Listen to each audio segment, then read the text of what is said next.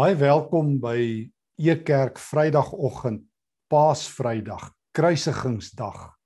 Die dag dat die son ophou skyn het omdat die seun gesterf het.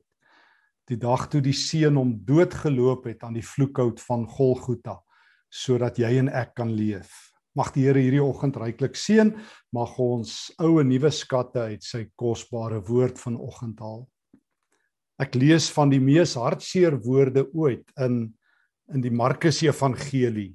Ek lees in Markus 15 vers 24 die volgende. Toe kruisig hulle hom.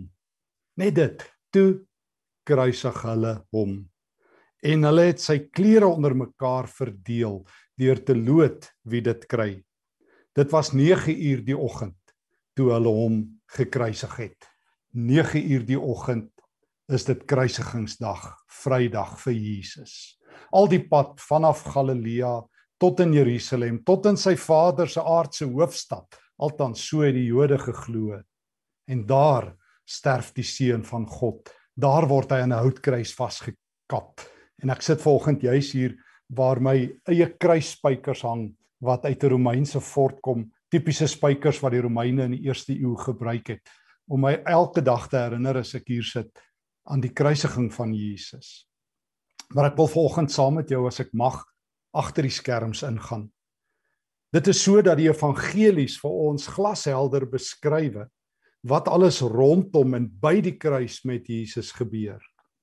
Maar maar dit vat een skrywer van die Nuwe Testament om ons die heeltyd agter die skerms in te neem, agter die skerms na na daar waar ons Here Jesus gekruisig is, na die dieper betekenis. Ek ek praat van Paulus. Nou as jy as jy aan Paulus dink, dan um, dan moet jy een ding altyd eintlik net onthou. Hy praat oor die kruis. Paulus was die eerste en die tweede grootste skrywer van die Nuwe Testament. Hy was waarskynlik al oorlede toe die eerste evangelie op skrif gekom het. Maar hy vertel nie vir ons baie detail van Jesus se aardse lewe, van die inhoud van sy leringe, van presies hoe die kruisiging geloop het nie maar hy praat oor die betekenis van die kruis oor en oor en oor. En ek wens ons het die hele Paasvrydag gehad om om met mekaar deur sy briewe te wandel en en en en en die betekenis van die kruis ehm um, waar te neem. Paulus vat ons agter die skerms in. Hy wil vir ons vertel wat het gebeur, wat het Christus regtig gedoen by die kruis? Wat het God gedoen? Wat het met die magte gebeur, die vyandelike magte? En wat het met jou en my gebeur? Wat doen Christus? Wat doen God? Wat gebeur met die vyandelike magte en wat gebeur met jou en my? Ek nooi jou saam met my vir 'n kort reis na Paulus se briewe toe. Na na Paulus wat in 1 Korintiërs 2 vers 2 vir die Korintiërs sê ek het my voorgenem om niks te weet, eintlik niks te praat en niks te doen nie behalwe Christus en hom as die gekruisigde. O Paulus weet die kruis is die sentrum van die sentrum van God se wil. Jy kan nie oor God praat los van die kruis nie. Jy kan nie oor die Gees praat los van die kruis nie. Jesus is die kruisiging. Jesus se kruis is die koninkryk in volkleur in hoofletters. Die wêreld is anderster.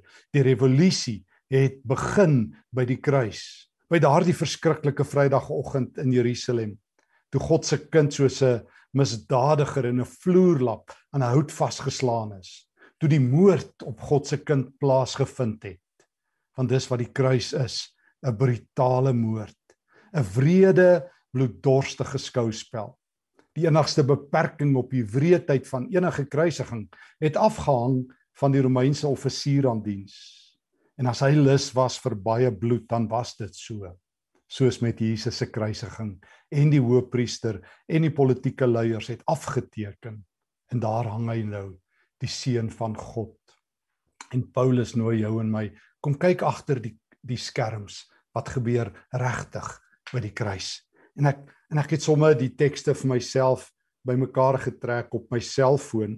Ehm uh, en ek het dit vir myself vertaal um, uit die Grieks uit en ek wil vir 'n oomblik saam met jou aansluit by wat doen Christus agter die skerms op op Vrydag as hy in die houtkruis hang. En ek nooi jou om saam met my Galasiërs 3 vers 10 tot 14 aan te hoor met die hoofopskrif Christus word 'n vervloekte. By die kruis word hy 'n vervloekte. Ek lees. Uh, Almal wat staat maak op hulle eie gehoorsaamheid aan die wet staan onder 'n vloek. God sal hulle straf. In die Bybel staan daar juis geskryf: Elkeen is vervloek wat nie alles gehoorsaam wat presies en presies doen wat daar in die boek van die wet geskryf staan nie. Niemand kan God se guns wen en deur hom vrygespreek word deur die wet te gehoorsaam nie. Die Bybel leer almal wat deur God vrygespreek is omdat hulle in hom glo, sal regtig lewe. Die wet het niks met geloof te maak nie. Dit is presies soos wat die Bybel sê. Hulle wat alles doen wat die wet sê, sal daardeur lewe. Genadiglik het Christus ons bevry uit hierdie slawerny. Hy het ons losgekoop van die vloek wat die wet oor ons lewe uitoefen. Hoor nou, hoor nou. Dit het hy gedoen deur self 'n vervloekte te word in ons plek. Want die Bybel sê daar is 'n vloek op elkeen wat aan 'n hout hang. Vers 14: So het Christus Jesus gesorg dat die seën wat Abraham ontvang het, na die nasies toe sal vloei. Hierdie seën wat aan ons beloof is, is die Gees self. Ons het hom nou ontvang omdat ons glo.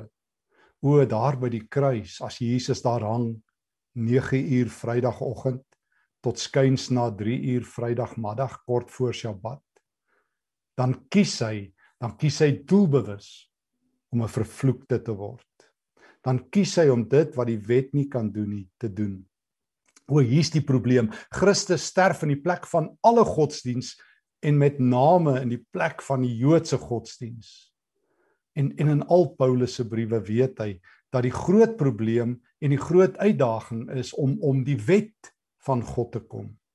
En en dat die wet in sy dag vir baie Jode 10 trappies geword het Godwaarts. En en dat jy 'n beter en 'n beter mens geword het deur die wet meer en meer te gehoorsaam. Trouwens, dis tot vandag toe die hartklop van alle godsdienste. Jy maak jouself goed genoeg, aanvaarbaar genoeg rein genoeg, gehoorsaam genoeg, moreel genoeg deur die godsdienste wat jy aanhang streng na te kom. En hier's die ding, jy kan nie. God sê jy kan nie 'n leer bou wat tot in die hemel reik nie.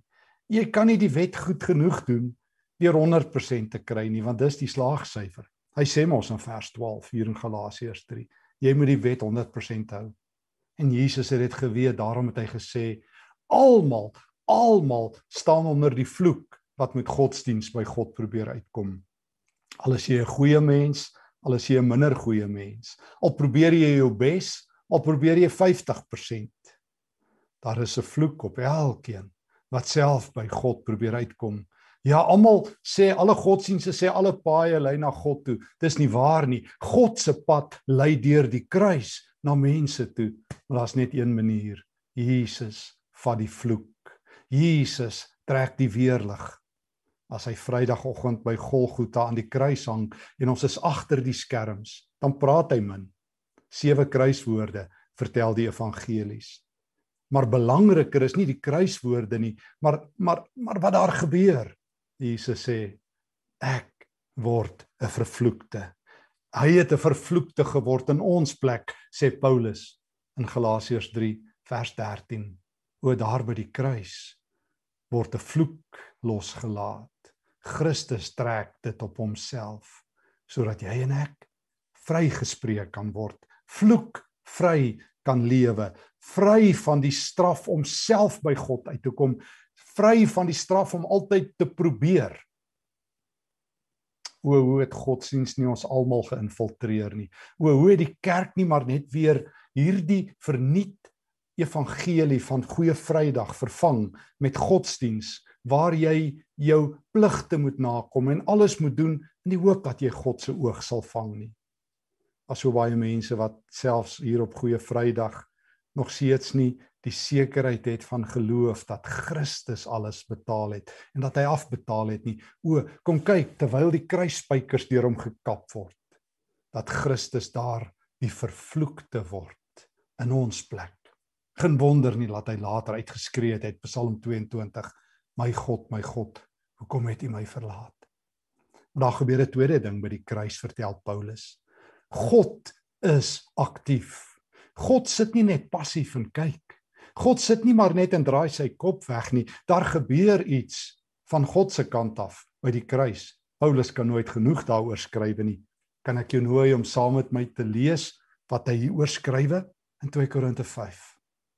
Vir my een van die aangrypendste tekste oor die kruis. Ek sluit aan saam met Paulus in 2 Korinte 5 vers 17 en ek lees dit ook sommer van my selfoon af op 'n vertaling. Iemand wat in Christus glo, is 'n splinter nuwe skepping. Daardie ou lewe is oor en verby. Alles het nuut geword. Hier's die ding. God is besig om vrede te maak en verzoening te bring. Christus is besig om by die houtkruis Vrydag 'n vervloekte te wees. Hy kies dit in jou en in my plek. Hy loop homself dood aan die houtkruis Hy kies die rol van 'n vervloekte. Dit gaan nie net oor die pyn wat mense hom aandoen nie. Dit gaan oor die vloek wat hy namens ons dra. En God God kies om te versoen en vrede te maak met die kruis, om jou en my nuwe mense te maak. Vers 18 2 Korintiërs 5. God het dit alles laat gebeur. Dit is hy wat ons sy vriende gemaak het.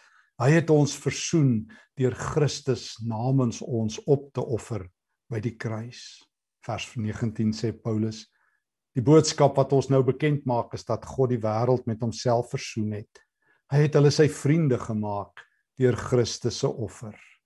Dit beteken dat hy nie langer boekhou van hulle oortredings nie. Dit tel nie meer teen hulle nie. Vers 20 ons tree nou as ambassadeurs op. Uh um dit is asof God self deur ons by julle pleit. Laat toe dat God julle met homself versoen. Laat toe dat hy julle syne maak. En dan nou veral vers 21. Christus het nooit enige sonde gedoen nie. Nogtans het God hom soos 'n sondaar behandel aan die kruis. Dit het hy gedoen sodat ons nie meer so sondaars behandel sal word nie. Op hierdie manier het God ons verhouding met hom herstel. Hy sorg dat ons almal weer sy vriende is. Het jy gehoor wat doen God by die kruis? O, hy's aktief. Hy is versoenend. Maar dit kos hom 'n bitter duur prys. Christus kies om 'n vervloekte te word en God moet sy kind as 'n sondaar behandel. God moet sy kind as 'n sondaar behandel in ons plek. Daar moet 'n doodloopstraat wees. Daar moet 'n koelde sak wees. Daar moet 'n plek wees waar Christus kan plekke ruil. Hy wat ons vloek vat sodat ons vloek weg kan wees, sodat ons vloekvry, virusvry, nie meer gekontamineerd kan wees nie, vlekvry soos wat die res van die Nuwe Testament sê. Daar moet 'n plek wees waar Christus plekke ruil. Hy wat sondeloos is, word 'n sondaar. Want daar is 'n agterstorie, 'n backstory en dit lees ek sommer saam met jou vinnig uit uit Romeine want ons is besig om te hoor hoe Paulus oor die kruis dink. God het hom gestuur om vir ons die storie agter die storie te vertel, die teologie. Ek hoor in Romeine 5 vers 6. Toe ons nog magteloos was, het Christus op die bestemde tyd vir goddeloses gesterwe. O, hier's die agterstorie. Toe jy en ek hoor mooi hoe wie was ons? Magteloos was, goddeloos en godloos het Christus gesterwe. Vers 7. Mens gee nie sommer jou lewe vir iemand prys nie. Selfs nie eers vir 'n regverdige nie. Ja, tog vir 'n goeie mens sal mens dalk nog die moed hê om te sterwe. Maar God, maar God bewys sy liefde by 'n houtkruis. Juis hierin dat Christus vir ons gesterf het toe ons nog sondaars was. Vers 10 aangesien ons toe ons nog vyande was deur die dood van sy seun met um, God versoen is staan dit soveel vaster dat ons nou terwyl ons versoen is sal lewe. Hm. Hier's die agterstorie. Ons hoor Christus word 'n vervloekte. God is by die kruis besig om versoening te maak, om vryspraak te maak. Maar dit kos hom 'n bitter bitter bitter duur prys dierder as die uittog uit Egipte dierder as die offers wat hy in Jerusalem vir 1000 jaar laat offer het dierder as alles wat hy in die Ou Testament gedoen het dit kos hom 'n houtkruis met spykers wat deur sy kind gekap word sodat God moet wegkyk en sê ek behandel jou soos 'n sondaar in hierdie oomblik aan die vloekhout. En die agterstorie, die eintlike rede. Godsiens kan ons nie beter mense maak nie. Ja, ons kan moreel beter lewe en ons kan selfs die howe beïndruk want ons sien in die howe gee hulle graag vir mense parool as hulle berou het. Maar maar jy moet God se offer aanvaar. Jy moet weet as Christus daar aan die kruis hang, dan is jy vier vier dinge. Jy's magteloos, jy's goddeloos, jy's 'n sondaar en jy's dood. Jy is 'n vyand van God. Hierdie vier dinge vir hiervoor sterwe Christus sodat jy jy wat magteloos wees, nou kragtig kan wees en die Heilige Gees kan hê. Sodat jy wat dood was nou kan lewe. Sodat jy wat 'n sondaar is nou 'n kind van God kan word. Sodat jy wat 'n vyand is nou 'n vriend van God kan word. O dit is wat by die kruis gebeur. Christus die groot plekreiler die vervloekte sodat jy vloekvry kan wees virusvry kan wees sodat jy altyd ingeënt kan wees met die ewige lewe jy wat wat vyand is en dood is en magteloos is en gebonde is vry kan wees Dis Golgotha se kruis. Maar daar's 'n derde ding besig om te gebeur. Christus is aan die werk. Al hang hy daar stil. God is aan die werk. Al al al sit hy net die son af by geleentheid. Maar God is besig om iets te doen aan die vyandelike magte. Kolossense 2 lees ek in vers 14 en 15. Hy, dit is God, het al het al ons sondes daar vergewe. Hy het die skuld bewys met die eise teen ons tot nul te maak. Deur dit aan die kruis vas te spyker het hy dit vir goed weggeneem.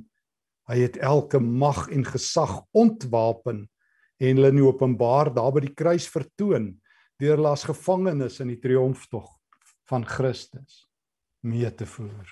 O o daar by die kruis. Daar by die kruis is God met 'n ontwapeningsaksie besig met 'n wapenafvat aksie besig terwyl hy jou en my sondes vat, Jesus. En dit daar aan die kruis vaskap en Jesus se bloed daaroor loop daar by daai kruisspykers uit. Sê God, betaal, afbetaal.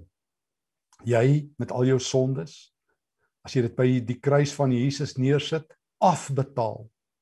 Jy wat so ver en so diep geval het, jy wat die kruis aan Jesus doen en ek Hoor wat sê Golgotha se kruis, afbetaal. Die kruis is die afbetaalplek. O, dis die plek waar God handel, waar Jesus 'n vervloekte word en God met sy vryspraak besig is en met sy verzoening besig is en waar hy sy kind 'n sondaar in my plek maak, maar waar God en die hemel uitskree genoeg. Dis nou afbetaal, geen verdere offers nodig nie. Die Hebreërs skryf 'n uh, brief vertel dit oor en oor eens en vir altyd. Maar dis die plek waar God afreken met die teenmagte. Die kruis is die plek van oorwinning op die vyand se terrein. Hier waar die dood heers, hier waar die bose is, hier kom staan die Golgotha kruis in die hart van die vyandelike territorium, in die hart van vyandelike gebied. En hier skree die hemel dit uit, protesteer die hemel en verklaar die hemel Kolossense 2 vers 15 hy het alle vyandelike magte in die openbaar tentoongestel o al sien jy en ek dit nie al kyk ons hier op goeie vrydag na die houtkruis en al staan ons daar in Jerusalem stil en stom en verslae dan hoor ons dis hier waar die magte ontwapen word waar die dood sy angel verloor ja ons is op pad na opstanding Sondag, maar reeds Vrydag, reeds Vrydag word die bose se strafkampe oopgebreek.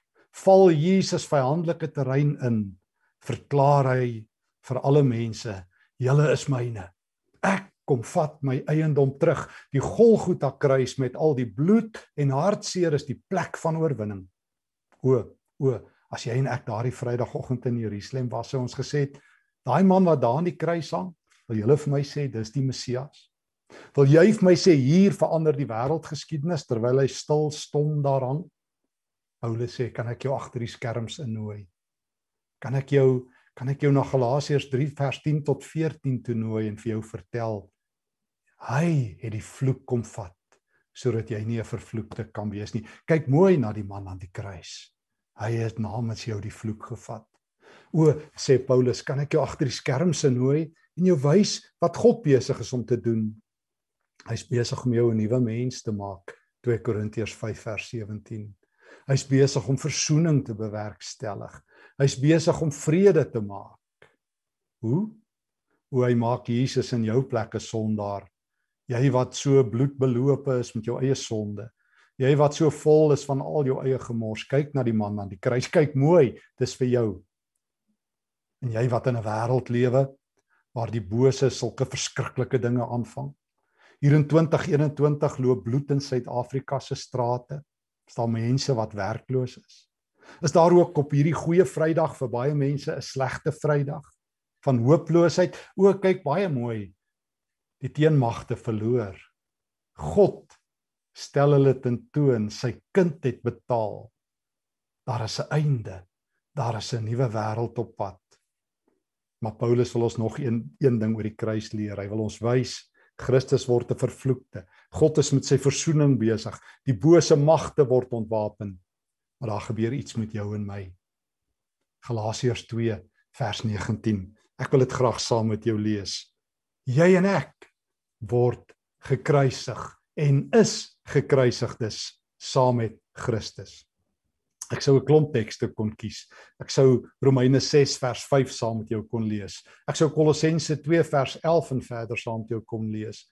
Maar kom ons lees vir 'n oomblik uit Galasiërs 2 vers 19 en 20. Dit is die wet wat my dood verklaar het, skryf Paulus, omdat ek nie aan al die eise kon voldoen nie. Maar die wet het juis sy mag verloor omdat dit my dood verklaar het. Nou is ek regtig vry om te leef tot eer van God. Ek is saam met Christus gekruisig. Nou is dit nie meer ek self wat leef nie. Christus leef in my. Hierdie splinter nuwe lewe wat ek nou leef in my liggaam, leef ek deur geloof in die seun van God. Dit is hy wat my liefgehad het. Dit is hy wat sy lewe opgeoffer het vir my. Ek draai nooit my rug op God se onverdiende genade nie. As ek deur gehoorsaamheid aan die wet en die regte verhouding kon kom, het Christus pure vir nie dood gegaan, dan was die kruis tydmors, maar dit is nie. Ek is saam met Christus gekruisig. O o, jy moet op Vrydagoggend nie net na die kruis kyk nie. Jy moet na jouself kyk. Want Christus is nie net besig om 'n vervloekte te word en as 'n sondaar behandel te word nie en om die teenmagte te wen nie.